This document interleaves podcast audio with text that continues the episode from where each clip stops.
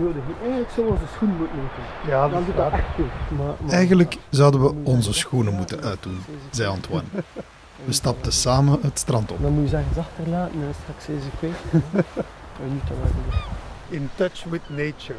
Maar ja, het, zei dat dat veel beter is, hè? ook gezonder is. Een wandelgesprek voor onze podcastreeks voorbij de vergadertafel. Ze noemt dat grounding. Hè? Dus dat Ja. je constant dat contact... Dit is Antoine Gerings. En blijkbaar is dat goed. Ik ben geen kenner daarin, maar... Ik ben Jo de Wolf, CEO van Montea. Schoen dragen eigenlijk, dat, er, ja, dat we eigenlijk een beetje dat contact en, en die, met, met, met de grond verloren zijn. En, bon, we gaan niet te filosofisch doen, maar Ik ga wandelen met gasten uit het brede netwerk van ons bedrijf. Meestal met schoenen aan. Het schijnt als je 's morgens qua energie gewoon even in je tuin op je blote voeten gaan lopen ja, door het gras, dat dat inderdaad enorm eh, je bloedsomloop Stimuleert, ja. ook stimuleert. En, Ja. Antoine Gerings is de stichter en zaakvoerder van CO2 Logiek. Ons bedrijf Montea heeft een overeenkomst met CO2 Logiek in de strijd tegen CO2. Ik wist eigenlijk niet meer goed wat ik u al wel gezegd had ja. wat ik u niet gezegd had over vandaag. Dus ik weet niet wat, dat, wat dat jouw verwachtingen zijn of wat dat je denkt dat we gaan doen. Ah, wel, ik weet eigenlijk niet. Eh, ik wist dat je een, post, een podcast organiseert voor, voor Montega en dat je interessante talks eh, eh, organiseert. Ehm, maar meer heb ik eigenlijk niet gehad als informatie. Dus, ja. Top, dat was de bedoeling. Ja, ah, ja, voilà, oké. Dus het is een beetje een verrassing voor mij ook. Het is eh, een eer om eh, in een podcast eh, mee te mogen doen. Met veel plezier, want uiteindelijk van de mensen die ik uitnodig, ben jij een van de mensen die ik eigenlijk het minste goed ken. Ja, We hebben elkaar eigenlijk nog niet veel ontmoet. Nee, nee, nee. Een paar korte ja, ontmoetingen. Ja. Exact. En als je een elevator pitch zou doen van CO2 Logic, wat is dat dan? Ja, ehm, ja, we zijn specialisten in klimaatactie. Wij begeleiden bedrijven bij het berekenen en verminderen van hun CO2-uitstoot. En wij ontwikkelen ook klimaatprojecten in ontwikkelingslanden, vooral momenteel. Eh, dus het klimaatproject, dat is ontbossing voorkomen, herbebossingprojecten, projecten, hernieuwbare energieprojecten, eh, toegang tot proper water en dergelijke. Dus dat is een beetje een elevator pitch. Ja. Montea heeft een eh, overeenkomst met CO2 Logic, Ja. eh, waarin dat zij ons begeleiden om eigenlijk onze CO2-uitstoot te meten, daarna te reduceren en daar waar we hem vandaag nog niet kunnen elimineren, ehm, te compenseren. Met andere woorden, wij gaan op het einde van het jaar, we hebben in het begin van het jaar een meting van onze CO2-uitstoot, we doen hetzelfde op het einde van het jaar. En het stuk dat we niet hebben kunnen reduceren, gaan wij projecten ondersteunen die CO2-logiek eh, in de wereld opstart om eigenlijk op andere plaatsen ook de CO2-uitstoot te, te verlagen. Het perfecte elevator pitch? En zo bij ons kunnen werken. eh, Dat is het perfect. Allee, de compensatie, die laat, de eerste stap is natuurlijk het belangrijkste, meten. Hey, meten is weten. Je weet dan ook waar dat er echt potentieel is om te verminderen, zodat je gericht acties kan nemen om je CO2 te verminderen. En inderdaad, wat je niet kan verminderen, wel, elke ton CO2 dat er uitgestoten wordt in onze atmosfeer, heeft de kost voor de maatschappij. Eigenlijk voor iedereen hier. Eh, en het is beter van zelf je verantwoordelijkheid te nemen, ook voor die overblijvende CO2, dan die door te schuiven naar de maatschappij of naar toekomstige generaties. En dat is eigenlijk wat wij proberen te doen, is ervoor zorgen dat die klimaatkost, dat elk persoon en bedrijf zijn verantwoordelijkheid kan nemen voor zijn klimaatkost. In plaats van die door te schuiven.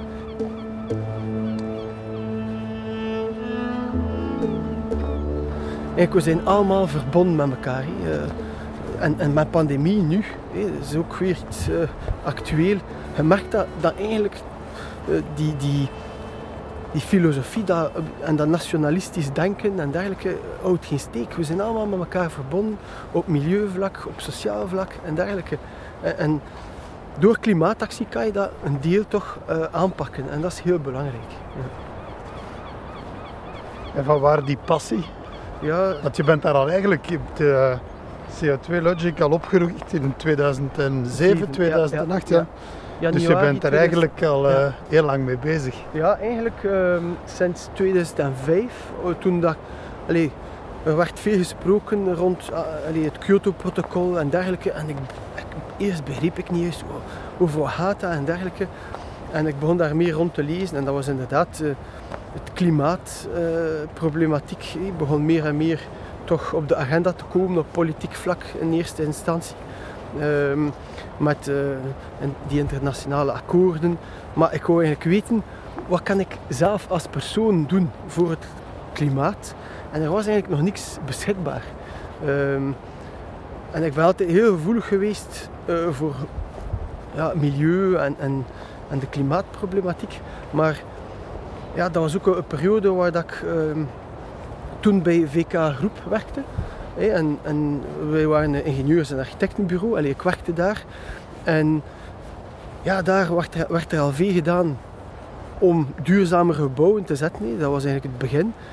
Maar gebouwen is veel te beperkt. Klimaat eh, is veel breder.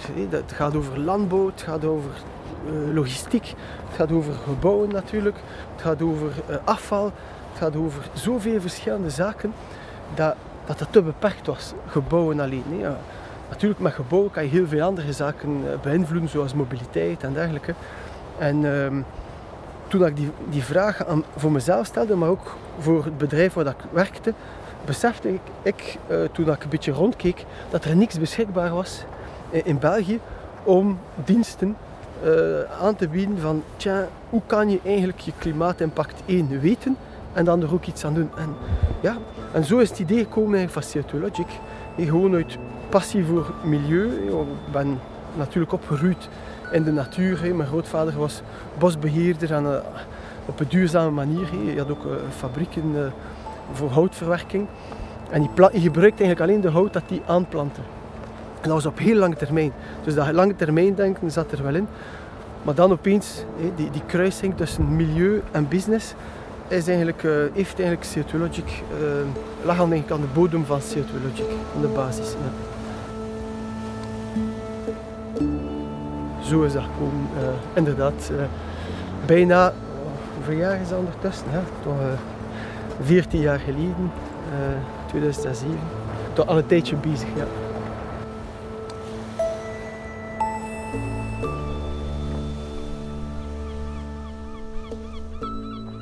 Want dan moet je daar op een bepaald moment ook een, een verdienmodel van maken. Allee, je Ja. moet daar, hè, heel veel mensen gaan daarmee bezig zijn als, eh, zou zeggen, als, als een sidejob, als een hobby, als een, eh, of zijn daar op een, ja, vanuit een eh, goodwill mee bezig. Maar om dan echt te zeggen van, kijk, ik ga hier een, een, een business van maken. Enfin, Ja. Ja. Is dat oneerbiedig om dat te zeggen, een business van maken? Ik denk van niet. Ehm, het- is waar dat in het begin, toen dat we C2 Logic opgericht hebben, eh, in 2007, ja, zijn er veel mensen die zeiden, ja maar je gaat iets goed doen voor ons planeet. En ga je daar geld aan verdienen? En wij zeiden natuurlijk, natuurlijk. Want dat is juist het probleem, is dat vandaag de... Allee, ze doen, NGO's doen heel goed werk, dus dat, dat is zeker. Maar ik denk dat we vandaag moeten durven kijken naar nieuwe businessmodellen, naar het systeem van social enterprise. En dat lag er in 2007 al bij ons. Wij wilden niet een NGO zijn die afhankelijk is van politieke goodwill, van subsidies, van giften en dergelijke. Want dan zit je, ben je, verlies je een deel van je vrijheid. En die vrijheid is heel belangrijk als je onderneemt. En social entrepreneurship, dat is eigenlijk de toekomst. Je moet eigenlijk modellen creëren die... want tot nu toe eigenlijk, dat is misschien interessant om nog toe te voegen, tot nu toe zijn er de meeste modellen creëren inkomsten, maar eh, beschadigen ons planeet. En we moeten eigenlijk van dat model overgaan naar een model waarbij dat je eigenlijk je leven mag verdienen met modellen die de planeet eigenlijk progressief restaureren. En dat is eigenlijk eh, waarmee dat wij, dat is onze job bij Logic. Wij vinden dat normaal van eh, eh, een verloning te krijgen om een positief impact te hebben.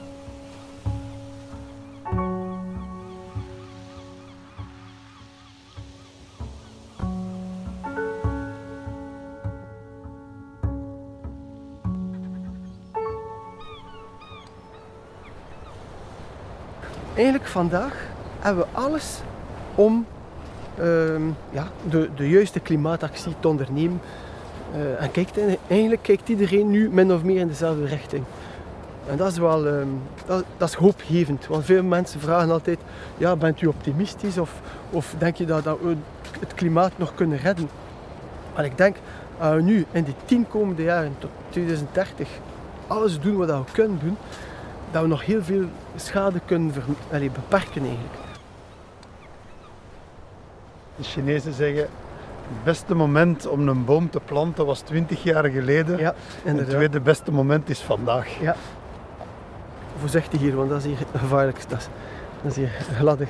En vooral dat laatste stuk daar. Ja. Dat is wel eventjes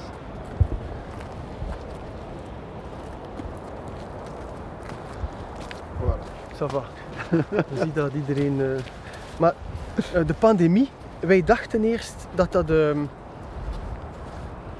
een probleem ging zijn. Want we hebben in het verleden die bankencrisis meegemaakt. En we hebben dan gezien dat dat de, de duurzaamheidssector eigenlijk heel sterk vertraagd heeft. Ja. in 2008, 9, 10, 11 heeft heel de, ja, de ambities van bedrijven en overheden eigenlijk vertraagd. Omdat ze vooral met het financiële aspect uh, bezig moesten zijn om alles weer recht te trekken.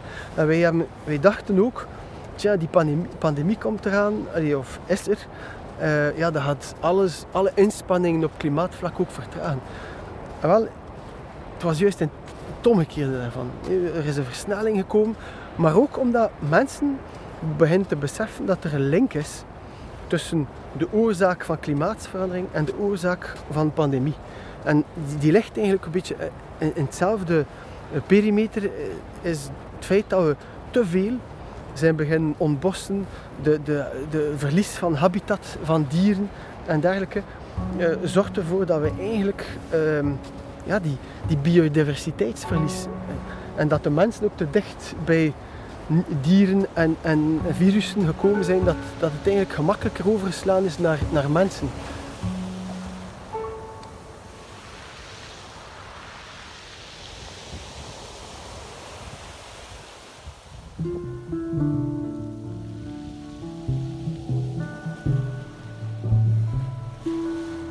Ik ben nooit de beste student van de klas geweest. En, en ehm, ja, dat creëert wel een, zekere druk op jezelf. Ehm, waardoor dat je veel dingen in vraag stelt. Van, ah, ben ik slim genoeg? Heb ik genoeg capaciteit? Nee, heb geen goede punten. Maar ik heb altijd moeilijk gehad om abstracte materie in een klas... Uh, en, en dat klinkt heel cliché, maar de, de, de modellen, uh, de bepaalde wiskundige zaken, wanneer dat je begint met cosinus en, en tangents en al die dingen, en de stelling van Pythagoras en al die dingen. Ik zeg maar, ah, ik, kan, ik, ben iemand die een beetje meer praktisch, ik probeer, ik moet iets kunnen visualiseren om iets te onthouden. En, en, en omgekeerd, ik visualiseer dingen om het duidelijk te maken naar anderen toe. Um, en dat is iets... Eh, ik, ik paste niet in, eh, Ik zat in een goede school. Maar ja, ik ben op een bepaald moment buiten gevlogen voor verschillende redenen. Maar ook omdat ik geen goede punten had. En dan ben ik in, een andere school terechtgekomen. Die, ja... Is, een soort... Een beetje reality check. Opeens kom je in, uh, in een moeilijkere situatie terecht met, andere studenten die ook eh, die een moeilijker leven hebben. En dan besef je pas hoe, hoeveel geluk dat je hebt om in bepaalde eh, condities uh, opgeroeid te worden. En, en, pas dan, door die contrasten, ja, maakt dat iets aan jou wakker. En, heb je ook een perspectief. En, en dat creëert een interne conflict die doet groeien eigenlijk. En denk dat dat um, ze ook in diezelfde school gebleven zijn. Um, maar ze, dat is een school natuurlijk die heel goed was op cultureel vlak. Dus dat brengt je wel heel veel um, ja, kennis. Maar daarna, sommige zaken, als je in hetzelfde milieu te veel blijft, ga je die vragen niet stellen. En, en heb je het contrast niet. En, en dat soort conflict, interne conflict, denk ik, creëert groei bij mensen. En, um, maar dat ook niet te veel hebben, want dat kan ook te veel probleem creëren. Maar, en, en dat heeft denk ik uh, me ver, verplicht om te beslissen, ik ga anders doen. Ik ga iets anders doen dan eh, de klassieke uh, studies, uh, rechten of, of, of wat er meestal van ons verwacht wordt.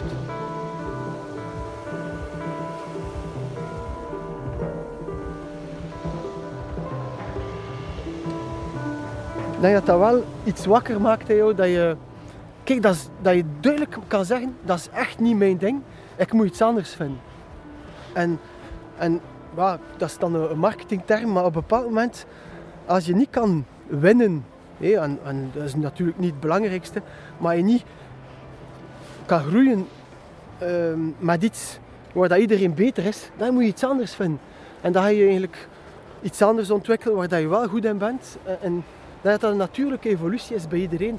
Als je iets niet goed doet, ik zeg maar iets, als je een meter, uh, ik, ga, een beetje, maar een meter veertig bent, en uh, iemand steekt je in een basketbalklas, ja, dan ga je vlug zeggen van oei, ja, dat, ik heb hier weinig kans, ik ga misschien iets anders doen. En oh, opeens denk, denk ik dat je op een bepaald moment een evaluatie moet maken van, je, van jezelf. Van oké, wat ben ik goed in? Wat ben ik echt niet goed in? En wat, ik, wat zou ik graag doen? En als je die kruising vindt, ik ben goed in dat en ik doe dat graag, dan, dan vind je opeens wel, die vuur, die vlam dat je daarover, waarover dat je dat straks sprak, die dan wel, en dan weet je ongeveer dat je in de goede richting bent, waarschijnlijk. Hè?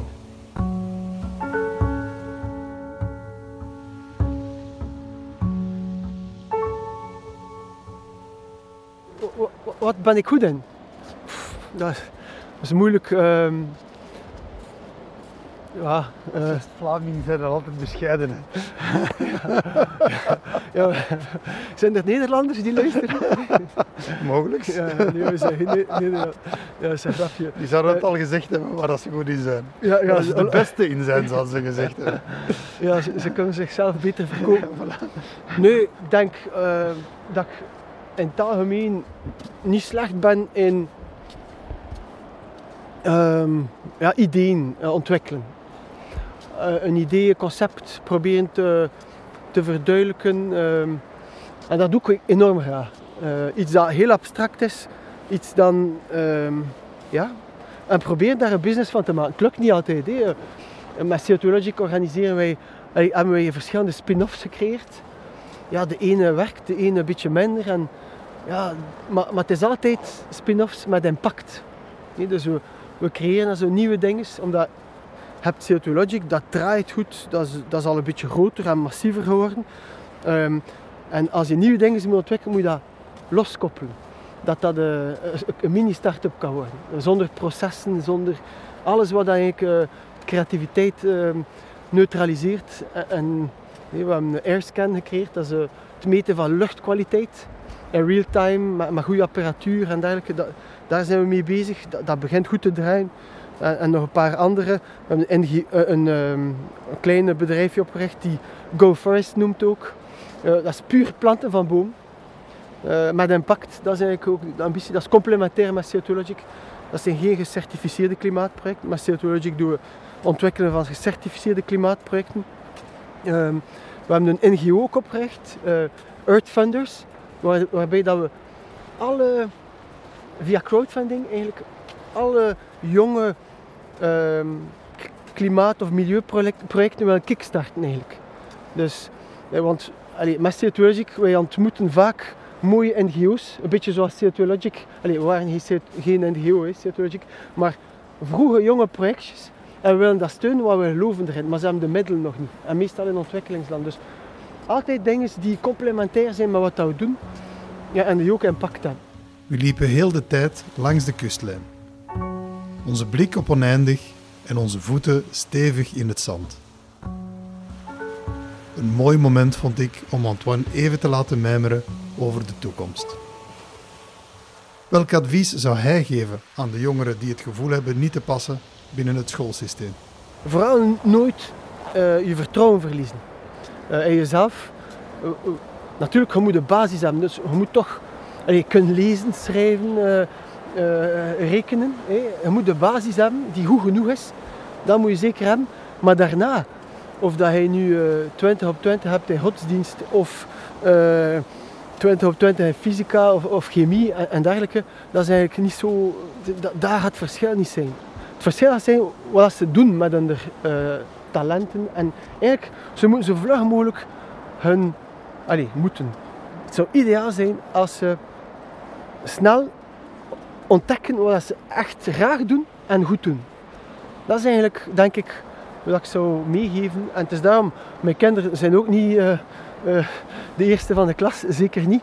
Eh, maar ik zeg kijk, dat is geen drama, slechte punt, maakt dat je er gewoon door bent.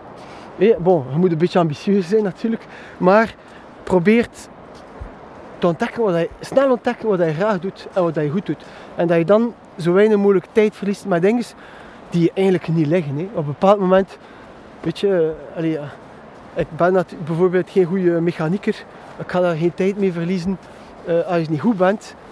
Je moet een vlug een onderscheid maken tussen wat hij goed kan en wat hij, eh, niet goed kan. Want anders, Ik heb ooit eh, een vrienden bedrijfsleider gehad die zei van eh, ik probeer mijn evaluatiegesprekken zodanig te maken dat ik eigenlijk eh, altijd zeg eh, veel evaluatiegesprekken gaan over ja, wat zijn uw werkpuntjes, wat zouden Ja, beter ja, moeten worden. Terwijl een evaluatiegesprek eigenlijk zou moeten gaan over waar zit u goed in, ja, waar ligt uw passie? Ja, en hoe gaan we u daar de beste in maken. En al de rest, daar gaan we nu voor omringen. Gaan we zien dat er mensen zijn die. Allez, hè, bij mij is dat bijvoorbeeld mijn administratie. Ja. En dat gaat ook terug naar mijn tien jaar. Ja. Waar dat elk jaar op uw rapport stond van slordig, kan ordelijker. Ja, ja. En eigenlijk is dat nooit veranderd. Ook al nee. zal ik in mijn leven heel vaak mijn best gedaan hebben om daar iets aan te doen. ja. Maar dat is gewoon wie dat je bent. En je moet inderdaad kunnen, ook de mensen rond u, ik denk meer en meer van overtuigd, gewoon proberen beter te maken, daar waar ze al echt goed in zijn. Ja, inderdaad, je moet eigenlijk eh, wat je goed in bent, proberen verder training te volgen om, of wat je echt graag doet en dat je toch een beetje goed in bent. Want het probleem is sommige mensen, en ik heb dat ook gehad op een bepaald moment, je zou graag iets doen, maar je zit er echt niet goed in. Ja, of probeer te trainen, maar als het niet lukt, zoek iets anders. Eh, maar bon, eh, met training kun je heel veel doen natuurlijk. Hè. Je kan slecht zijn in iets in het begin en dan met de goede coaching en de goede, door je goed omringen kan je wel goed worden. Maar, maar het ideaal is zo snel mogelijk die combinatie goed in iets, passie Ja. en dat gaan trainen. En dan, dan kan je echt, eh, eh, ja, echt goed worden.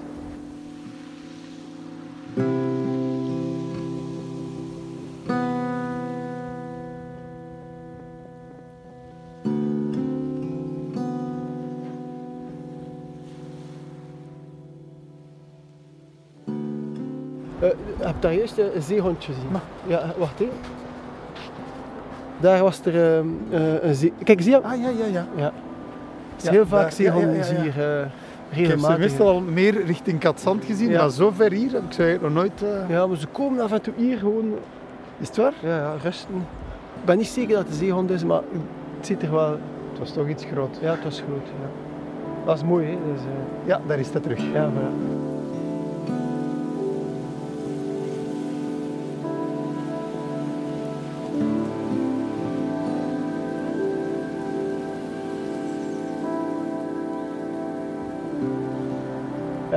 Dat is iets dat mensen ook eigenlijk beseft hebben. Eh, hoe meer dat je opgesloten bent, hoe meer dat je beseft dat je buiten, die nood om, buiten te zitten. Er zijn hier nu wandelaars, maar ik denk in de week dat er nooit zoveel wandelaars zijn als dat we nu hebben. Ja, je ziet dat ook in de weekends. Eh, ik heb nog nooit zoveel wandelaars gezien die dicht bij de natuur, eh, de zee of in de bossen willen zijn als nu. Omdat je zit constant opgesloten en door die extreem besef je hoe belangrijk dat, dat die contact met de natuur eh, is.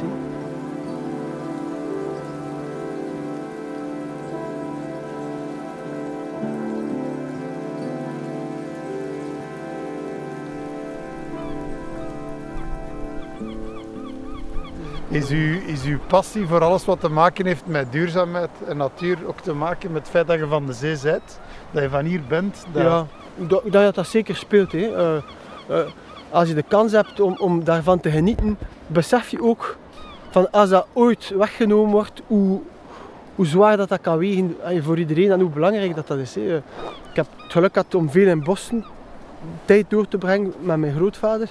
Ehm, en natuurlijk heel veel in de zee.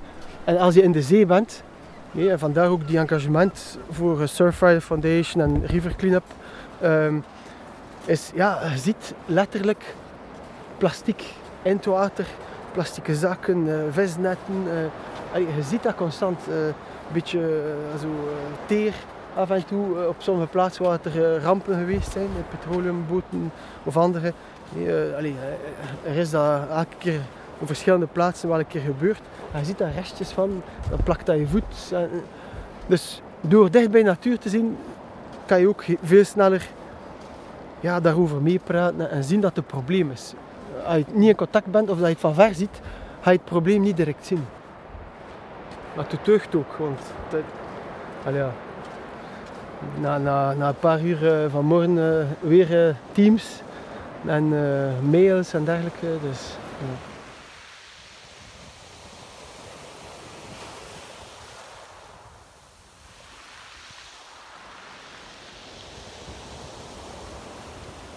wat altijd fascinerend is uh, van de zee, is het feit dat je ziet nooit iemand in het water stappen, bon, vooral niet als het nu koud is zoals nu, maar dat dat iemand ongevoelig houdt, maakt. Uh, als een kind in of uit het water stapt, heeft hij altijd een big smile, uh, een grote glimlach. Uh, dat laat niemand ongevoelig. En dat is vrij. Ik heb altijd de indruk dat water, of de zee zeker, energie geeft. Iemand stapt nooit uit water zo van, oh nee ja. Of met de, met de smoel op de grond. Uh, nee, als je uit water stapt is het altijd, wow, dat doet deugd. Of, dus ik ben overtuigd dat dat, dat energie geeft, uh, zeewater. Vandaar dat altijd welkom om hier in Knokheist een beetje te zwemmen en de vitamine van de zee mee te nemen. Dat is, uh... dat is het gemeenteraadslid van Knokke, hij ja, staat nu aan het spreken. Ook, ook, zeker, zeker. Maar, maar uh, ik wens dat aan iedereen om, om in, in, in uh, gezonde omgeving eventjes te kunnen ontsnappen aan de drukte en, en, en de covid-isolement. dus, ja, dat, dat, wordt, dat is therapeutisch bijna. Hè. Ik heb ervan genoten, Antoine. Bedankt voor je verhaal. Ik hoop dat ik niet te veel gesproken heb. Je luisterde naar de podcast Voorbij de Vergadertafel. Uh, bon, het is misschien een beetje de bedoeling, maar... Uh, Absoluut. Ja. Een reeks waarin ik, Jo de Wolf, CEO van Montea, ga wandelen met mensen uit het netwerk van ons bedrijf. Jullie bedankt voor het luisteren en graag tot een volgende aflevering.